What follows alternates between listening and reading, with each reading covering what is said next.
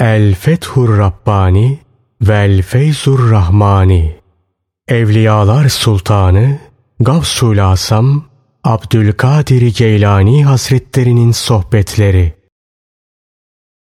62. Sohbet Tevhid 3. Bölüm Bu konuşma hicretin 546. yılında Recep'in son cuma günü medresede yapılmıştır.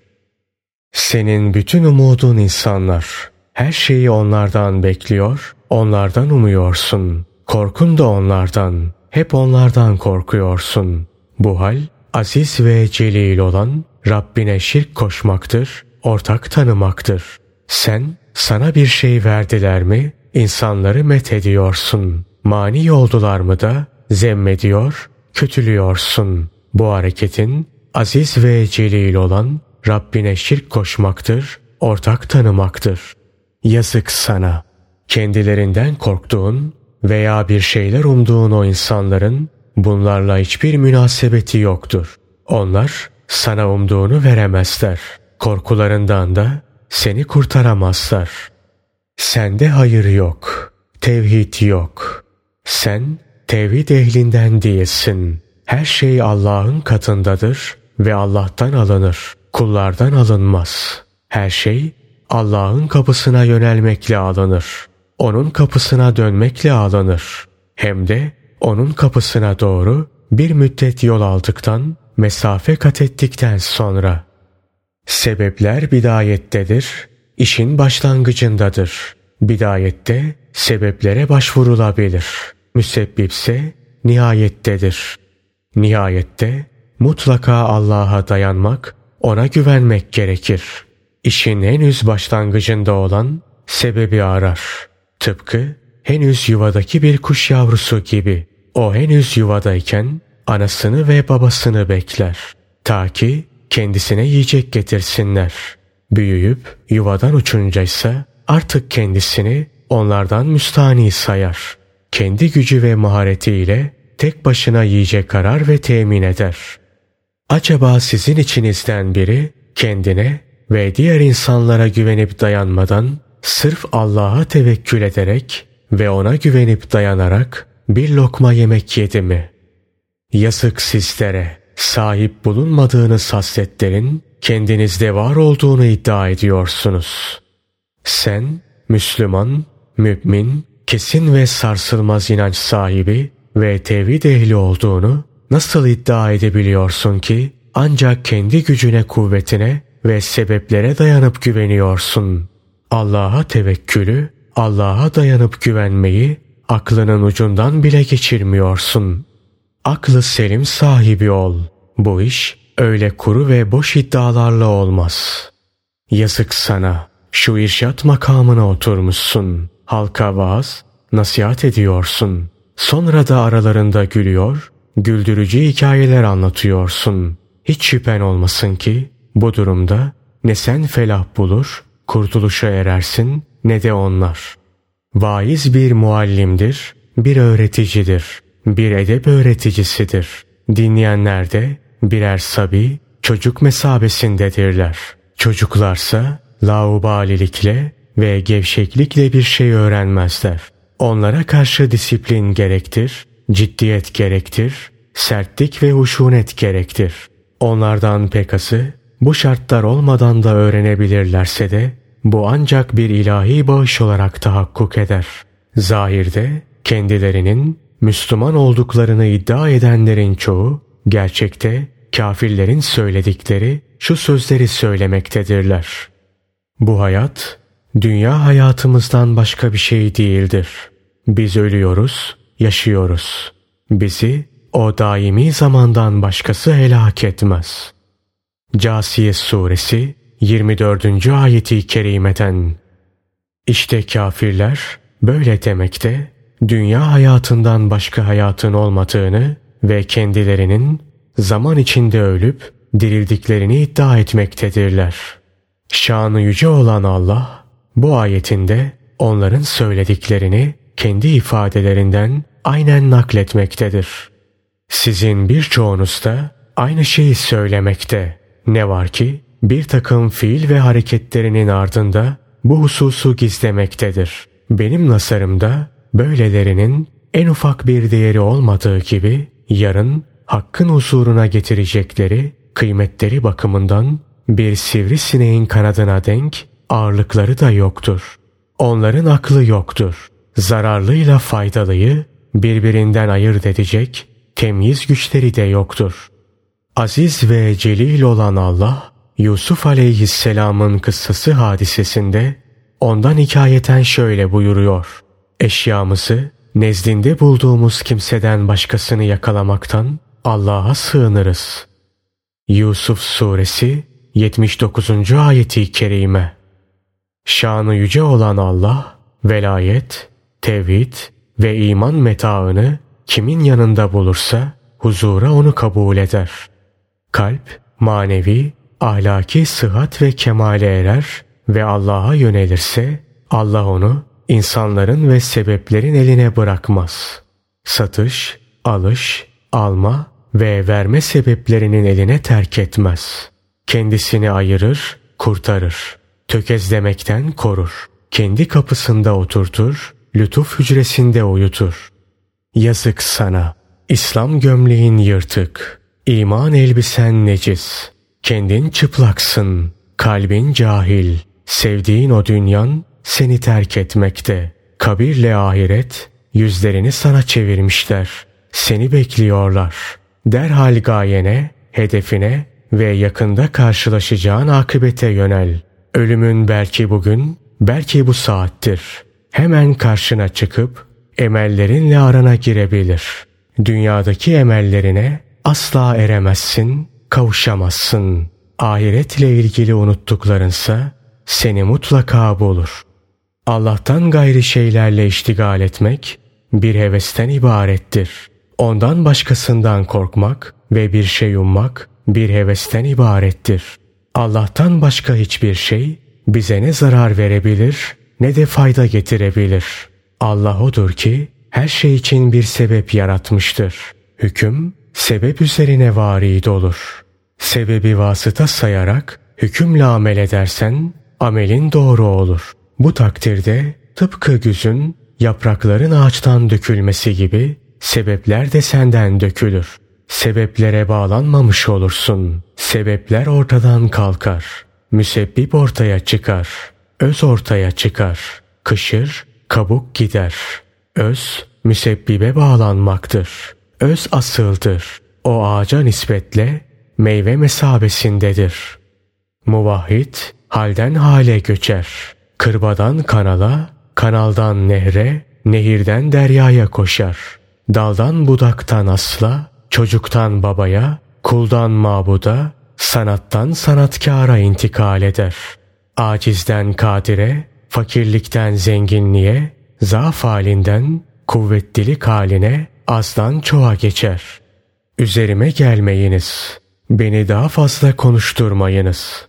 Çoğunuzun kalbi imandan yana bomboş. Sizin hanginizin kendi nefsinin bir isteği olursa nefsini sükut gemiyle ve hüsnü edeple gemlesin. Ona takva zırhını giydirsin.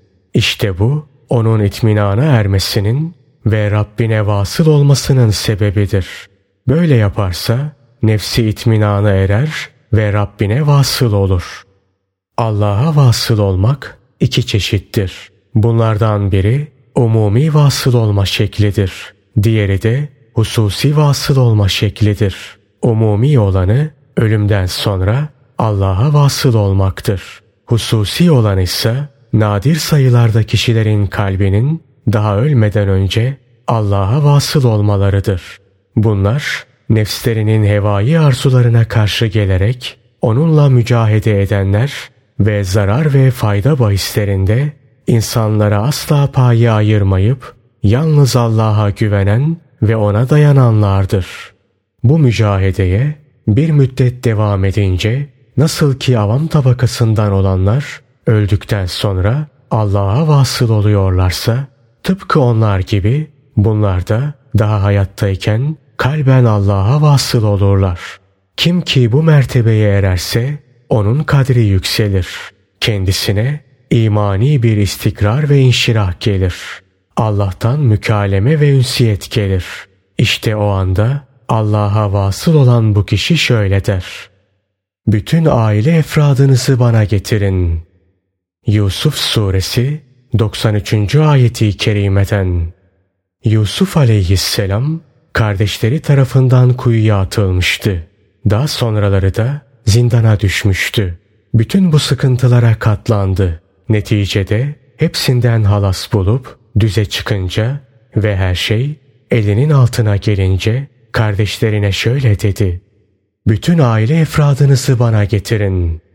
Yusuf Suresi 93. ayeti kerimeden. O bu sözleri başına zenginlik ve devlet kuşu konunca ve sıkıntılar gidip ferahlık, genişlik gelince söyledi. Daha önceleri ise içine atıldığı kuyuda ve zindanda bir dilsizdi. Ondan kurtulunca fasih olarak konuşmaya başladı. Ey ahali!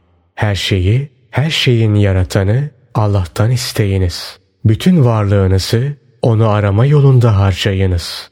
Allah dostları Allah'ı arama yolunda ruhlarını feda ettiler, harcadılar.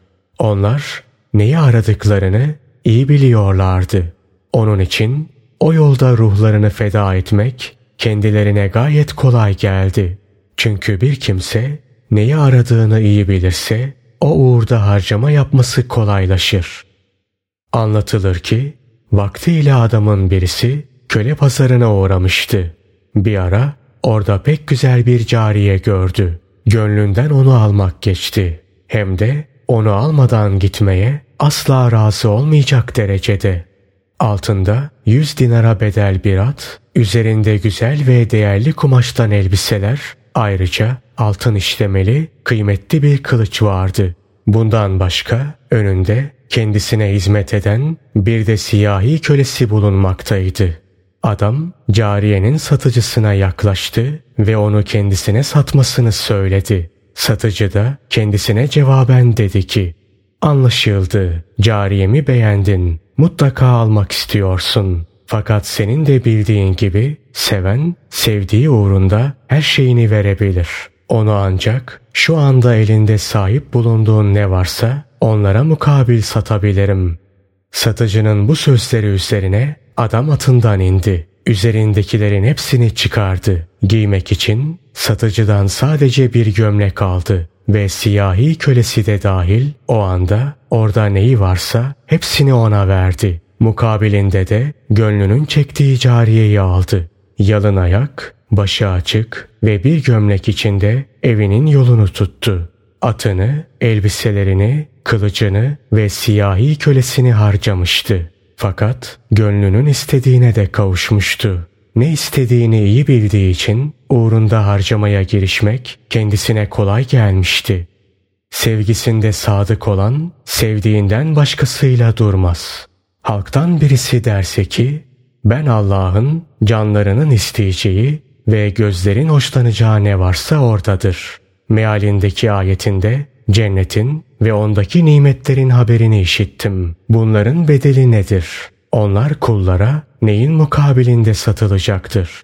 Biz de bu kişiye cevaben deriz ki Aziz ve celil olan Allah şöyle buyuruyor. Hiç şüphe yok ki Allah hak yolunda savaşarak düşmanları öldürmekte ve kendileri de öldürülmekte olan müminlerin canlarını ve mallarını kendilerine cennet verme mukabilinde satın almıştır. Tevbe suresi 111. ayeti kerime Sen nefsini de malını mülkünü de Allah'a teslim et. Sonunda onların hepsi de senin olur. Bir başkası derse ki Allah'ın rızasını ve cemalini dileyenlerden olmak istiyorum. Kalbim Allah'a yakınlık kapısına hafif bir baktı ve oraya girip çıkan Allah dostlarını gördü. Üzerlerinde de sultanlık hilatleri vardı. Acaba oraya girmenin bedeli nedir?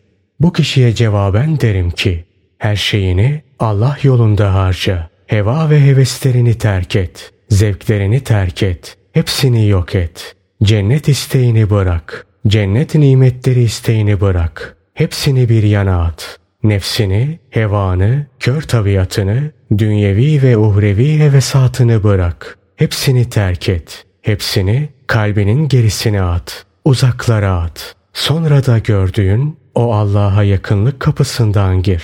Muhakkak ki hiçbir gözün görmediği, hiçbir kulağın işitmediği ve hiçbir kimsenin aklına gelmeyen nimetleri ve harikuladelikleri göreceksin. Kim ki bu mertebeye gelir ve kalbinin ayakları orada sabit kadem olursa dünyada, ahirette onun olur. Dünyada, ahirette onun için mücerret birer nimet olurlar. Hem de hiçbir sıkıntısız, hiçbir meşakkatsiz. Dünyada, ahirette onun konak mahalli olur. Dünyada kalbiyle Allah'a yakın olur. Ahirette de gözleriyle Allah'a nasar eder. Ey oğul! Allah de, gerisini bırak. De ki, o Allah ki beni yaratan ve bana doğru yolu gösterendir. Ey dünyada züht sahibi olan kişi! Kalbin ahirete talip olarak dünyadan ayrıldığı zaman şöyle de. O Allah ki beni yaratan ve bana doğru yolu gösterendir. Sen ey aziz ve celil olan, hakkı arayan, ona rağbet eden ve onun gayrinden yüz çeviren kişi, kalbin Mevlasına talip olarak cennetin kapısından çıktığı zaman şöyle de. O Allah ki beni yaratan ve bana doğru yolu gösterendir. Sen yolun zorluğuyla değil Allah'ın vereceği hidayetle meşgul ol.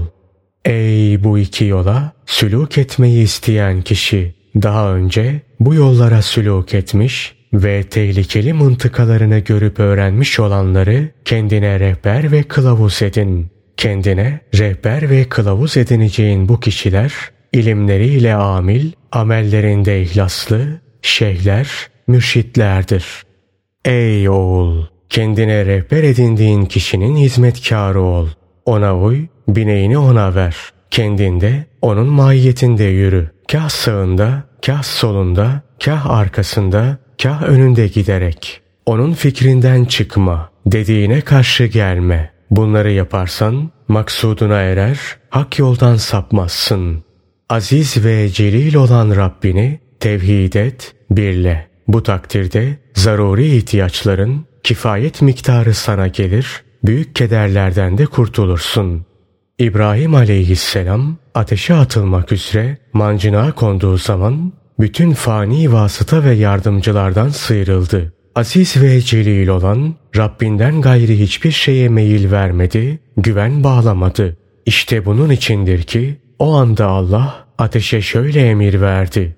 Ey ateş! İbrahim'e karşı serin ve selamet ol. Enbiya suresi 69. ayeti kerime. Bunun izahı şudur.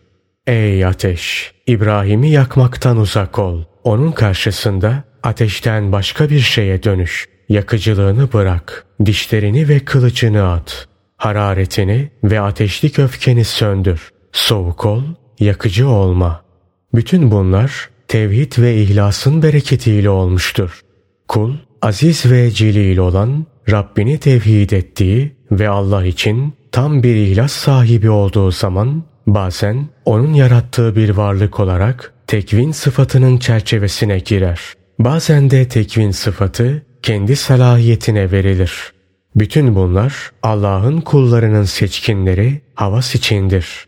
Cennete giren herkes bir şey için ol diyebilir. O da olur. Bu Allah'ın tekvin sıfatının kul tarafından kullanılması demektir. Bu yarın değil, bugün olabilen bir husustur. İbrahim aleyhisselam daha küçük yaşından itibaren bütün ömrü boyunca tevekkül basamağından bir an bile ayrılmamıştır.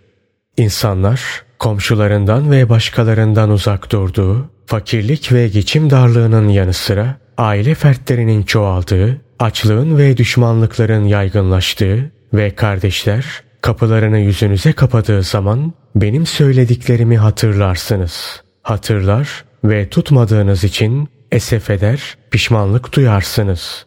Benim söylediklerime kulak veriniz. Zira ben Resulullah sallallahu aleyhi ve sellemin ve onu gönderenin naibiyim, vekiliyim.